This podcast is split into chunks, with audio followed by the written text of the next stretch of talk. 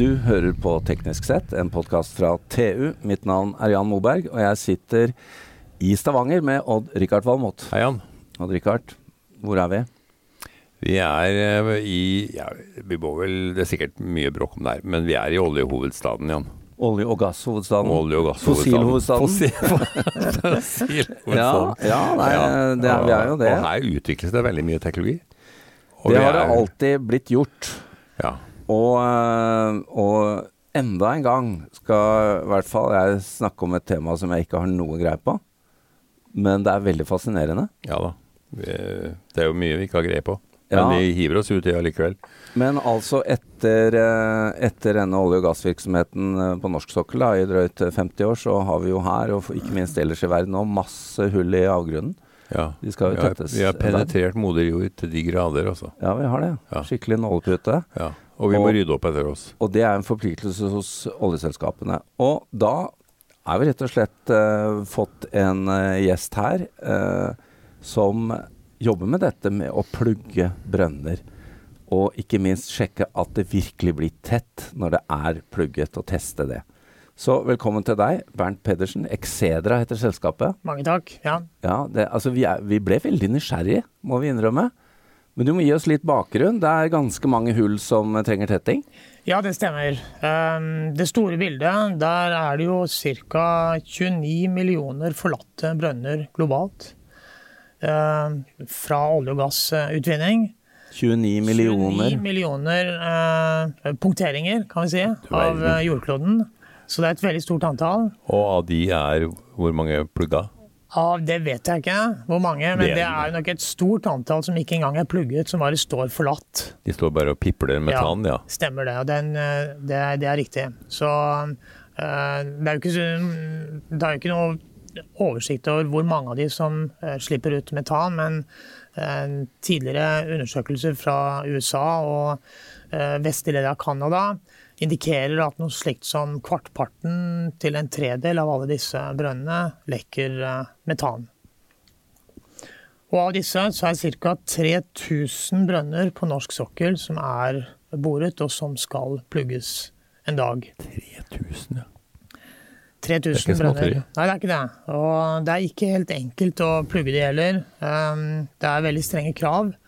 Og eh, disse permanente pluggene de må kunne eh, tåle at trykket etter hvert eh, bygger seg opp igjen til det naturlige reservoartrykket.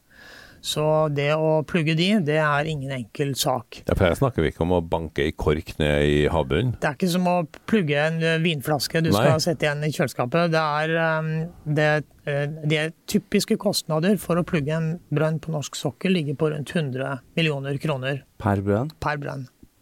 3000 ganger 100 millioner. Ganger 29 millioner. ja, det kan- Men, men jeg bare, det må jeg bare spørre om disse 29 millionene. Er det, er det øh, offshore, eller er det på land Det er vekst mest på land, ja. Ja. Det stemmer. Ja. Men det gjelder jo, det lekker jo der òg. Det lekker der òg. Ja. Stemmer det. Men øh, Bernt, øh, du har jo bakgrunn som fysiker fra NTH, har jeg skjønt. Det stemmer. Og ta oss litt gjennom bakgrunnen din da, før vi begynner på hvordan du har fått løst eller kommet med løsninger. Ja, det stemmer. Jeg har jobbet hele mitt liv eh, innenfor teknologi og teknologiutvikling og ledelse innenfor eh, olje- og gassektoren. Og eh, jeg eh, så da at det er mange selskaper som jobber med nye, mer kostnadseffektive pluggeløsninger.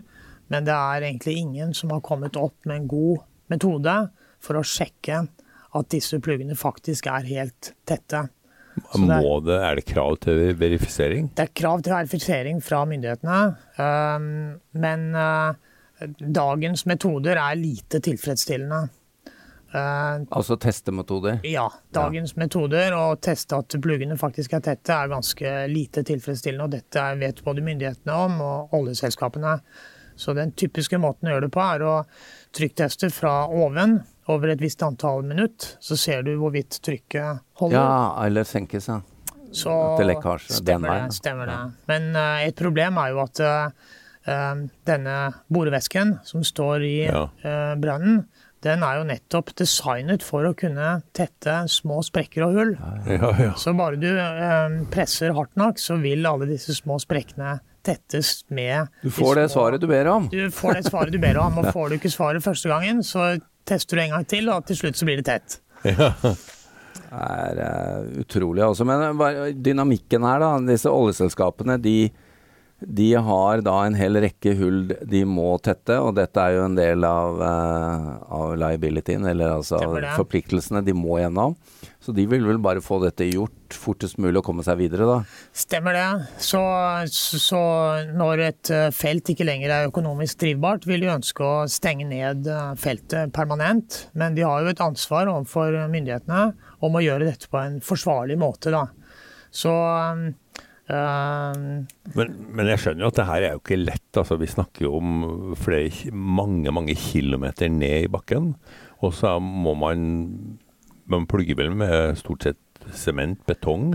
Og så, på, og så, er det en casing i hele røret. Stemmer det. Og så skal man på bak casingen også. Stemmer. Og det er en ganske stor utfordring, for det er ofte bak casing det er vanskeligst å få det tett. Og det er også der det er vanskeligst å vite hvorvidt det er tett eller ikke. Så i dag så benyttes det flere metoder for å komme til å, og fylle på med sement bak casing. Men det er metoder som er øh, kostbare, mm. de tar tid, øh, og det er vanskelig å sjekke at det faktisk er helt øh, tett. Du må, Bernt, bare ta oss gjennom to minutter med, med plugging. Fordi her snakker vi om uh, hull, vi snakker om casing, vi snakker om uh, berget. Altså, hva er det som foregår? Må du ta bort deler av casingen? Hvor stor, hvilken størrelse, hvor mange meter er vi snakker om? Ja, altså Når en eh, oljebrønn etableres, så ser det ut som en slags eh, teleskopkonstruksjon med stålrør som går nedover mot reservoaret i suksessivt eh, mindre og mindre diametere. Og når da brønnen skal forlates, så må det settes plugger ikke bare inn i disse stålrørene, men plugger som går på tvers helt inn til Eh, berget. Ja, for stål korroderer jo på sikt. Stemmer det. Så det må perforeres eller skjæres vekk. Og dette er uh, arbeid som er tidkrevende, og som også av og til da kan gi et usikkert uh, resultat. Da. Og en ting til. Det settes ikke bare én plugg i en oljebrann, men kravet er at det settes to plugger over hver, hvert område, hvert lag, som, um, som inneholder hydrokarboner. Så selv om man kanskje har bare én, et reservoar man produserer fra, så er det gjerne flere, tre, fire, fem forskjellige lag videre oppover i formasjonen som produserer også olje og gass, men som ikke er drivverdige. Så alle disse sonene må også plugges. Så derfor er det ikke uvanlig å kanskje måtte ha både seks og åtte og ti plugger i en brønn som skal plugges permanent. Hvor typisk lengde på en sånn plugg, da? Ja, den, den Det styres jo litt av standarder da, og myndighetskrav. Og materialvalg, kanskje? Og materialvalg òg, ja. det stemmer. Så i dag plugges jo brønner ved hjelp av sement. Og de sementpluggene er typisk eh, fra 30 til 100 meter lange. Yes. Dette var nytt uh, område. Ja, det er, det er, sikkert ikke så veldig nytt for de som holder på med sånt, men for oss så var det nytt. Ja, det, var enda flere argumenter på at denne virksomheten trenger vi jo ikke i fremtiden. nei, nei, det Men det var nå mitt syn. Men uh, Bernt, Excedra som, som det, du står bak sammen med dine, og som da har kommet til denne testemetodikken. Hvordan gjør dere det, da? For at, uh, da, da, da, skal jo dere teste at uh, Da må dere teste unnenfra, da. At det ikke lekker. Ikke ovenfra, sånn som du beskrev. Det stemmer. Hvordan gjør du det? Ja, det stemmer. Så eh, det vi egentlig har gjort, er å bruke en veldig velkjent metode fra prosessindustrien. Uh, hvor man bruker sporgass til å detektere små lekkasjer. Ja. Så det vi gjør, er at etter at pluggen da har herdet. Ja, For dere lager ikke pluggen? Vi lager ikke pluggen. Nei. Men metoden vår kan benyttes på nær sagt en hvilken som helst plugg som settes i brønnen. Ja. Så um, metoden vår er velkjent. Uh, vi bruker altså en sporgass som slippes ut uh, gjennom en programmerbar uh, prosessorstyrt ventil. Um, og så på oversiden så har vi da en sniffer den sniffetjenesten, eller den, det instrumentet, det er det andre som leverer, f.eks. Slumberger. Ja. Og det er gjerne instrumenter som allerede står på riggen. Og hvis den, de snifferne detekterer sporgass, da vet du at det er kommet gjennom molekyler eller atomer av den sporgassen som er valgt. Hvis du ikke sniffer noe sporgass, så vet du at det er tett. Men, men det, du sniffer ikke på 10 000 meters dyp? Helt riktig. Vi, eh, eh, som regel når man da setter en eh, plugg i en brønn, så sirkulerer man opp og rensker opp brønnen ja. etter hver plugg. På oversiden? På oversiden. Ja. Og da sirkulerer du ut den borevæsken som har stått rett over pluggen. Ja, og da, hvis den inneholder eh, gass eh, av sporgasscontaineren eh, eh, vår, så vil da eh, eh, denne gasskromatografen, eller den detektoren som eh, man har, kunne detektere den gassen. Og du kan bruke mange typer sporgass? altså? Vi kan bruke mange typer sporgass. Det kan vi, og, kan, og vi, kan vi, kan ha forskjellige typer konsentrasjoner av sporgassen også. Så metoden er ekstremt følsom. Den er i størrelsesorden 1000 ganger mer følsom enn dagens uh, trykktest. Ja. Oi, den, den, blir jo nesten ubrukelig når det kommer til dette nye. Ja, hvert fall. Jo, for den, den kan jo bløffe deg. Stemmer det. Så dagens metode kan uh, også ofte da gi et svar som er falskt. Du kan ja. tro at det er tett, mens ja. i virkeligheten så vil det noen timer eller uker eller år senere begynne å lekke gjennom denne pluggen. Og da blir det dyrt å gå tilbake og plugge en brønn som er plugget og forlatt og lekker, det er svindyrt. Det er ikke veldig motiverende å måtte lø gå løs på? Det er ikke det betyr at de, her er det rett og slett ganske mye betalingsvilje for å få det her til å bli top notch?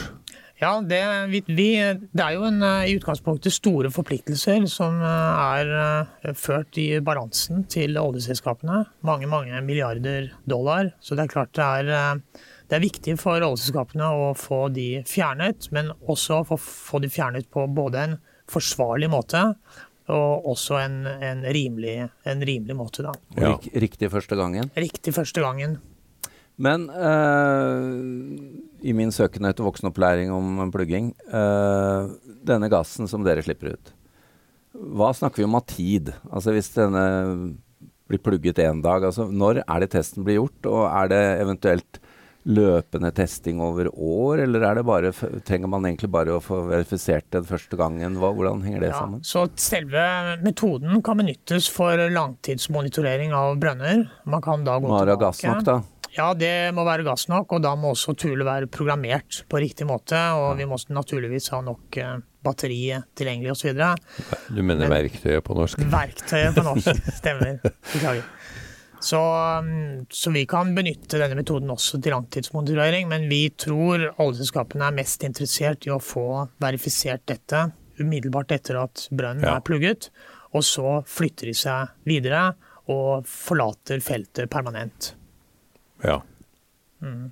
Nei, ja. ja. Markedet høres jo ganske greit ut. 3000 brønner og så opptil ti sånne plugger i hver brønn. Stemmer det. Det er jo en, en stor fremtidig eh, jobb eh, som, uh, som eh, vi har her i Norge. Og nesten hele kostnaden vil faktisk bli betalt av, av oss, av staten. Fordi oljeselskapene de skriver jo av disse kostnadene på ja, ja. driften. I Norge. Ja, med, Men det er jo et stort internasjonalt marked òg, vil jeg tro? Det er et stort globalt marked for dette, det er klart. Men det varierer jo veldig hvor strenge miljøkrav det er i forskjellige land. Det er det. Ja, og eh, jeg holdt på å si dette er jo uh, Dette kommer til å bli en uh, aktivitet i, i mange tiår framover? Da. Det vil være aktivitet i mange, mange tiår. Det er helt sikkert. Lenge etter at oljealderen er over, så vil det fortsatt være behov for å plugge brønner. Det er, er, ikke sånn supermotiverende å tenke på, Rikard? Nei. Selv om Vi må heve eiendomsskatten fordi brønner ja. skal plugges. Ja, det er godt vi har dette oljefondet, da. Så kan vi ja. bruke det på plugging. det. Men det er jo fascinerende. Altså, før vi, før vi avslutter, eh, Bernt. Hvordan kom du inn, eller dere inn på denne løsningen? Da? Altså, hva, hva, var bakgrunnen for at du endte her med dette, Nei, altså, denne businessen? Jeg har jo jobbet i oljeindustrien i alle år, um, bl.a. mange år i Norske Skjell. Og, og det, jeg, det, jeg, har sett, er at det er mange aktører som uh, både tilbyr og utvikler nye kostnadseffektive og gode pluggeløsninger. Ja. Nye eksotiske materialer, nye metoder som benyttes. F.eks. sprengladninger som skyter hull i casing osv. Men det er ingen som, i hvert fall ikke da jeg begynte, som fokuserer på hvordan disse nye pluggeløsningene faktisk skal kunne sjekkes. At de faktisk er helt tette. Og det å introdusere nye plugger inn i et marked som ikke har noen måte å sjekke at de faktisk er tette på, ja. det blir kjempevanskelig ja, Du vet ikke om den forrige generasjonen virker heller, egentlig? Stemmer det. Ja. Stemmer det. Og det uh, så vi tror at det å ha en god, entydig uh, og følsom metode for å verifisere disse pluggene på, det vil hjelpe industrien mm. til å ta i bruk nye, mer kostnadseffektive pluggeløsninger. Ja, riktig. Dere er jo uh, i, i, vekstfase, men hva snakker vi om arbeidet som er gjort? Når er dette testet? Vi hadde en suksessfull test nå på Gullfaks-feltet, på Gullfaks A, rett før påske. Hvor vi fikk eh, demonstrert eh, funksjonalitet til toolet, og også en ekstrem eh, følsomhet på, på systemet. Så vi var veldig, veldig happy med det. Også våre støttespillere, Equinor, ConocoPhillips og Aker BP, er svært fornøyd med at vi nå har kunnet demonstrere både prinsippet og eh, teknologien vår. Og nå ligger den hullete verden for deres føtter? Det, jeg, jeg, jeg, er ganske nøktern, altså, så jeg tror nok det blir et eh, langt løp. Men det er i hvert fall veldig eh, artig å ha, ha utviklet teknologien. Bernt Pedersen, Excedra, eh, tusen takk for denne innføringen. og Det er utrolig spennende, og lykke til videre. Uh, håper det ikke blir uh, mye gass som blir detektert. Selv om det, det, er jo det løsningen er lagd for. Mange takk for det. Uh, takk til Odd Rikard, og mitt navn er Jan Moberg.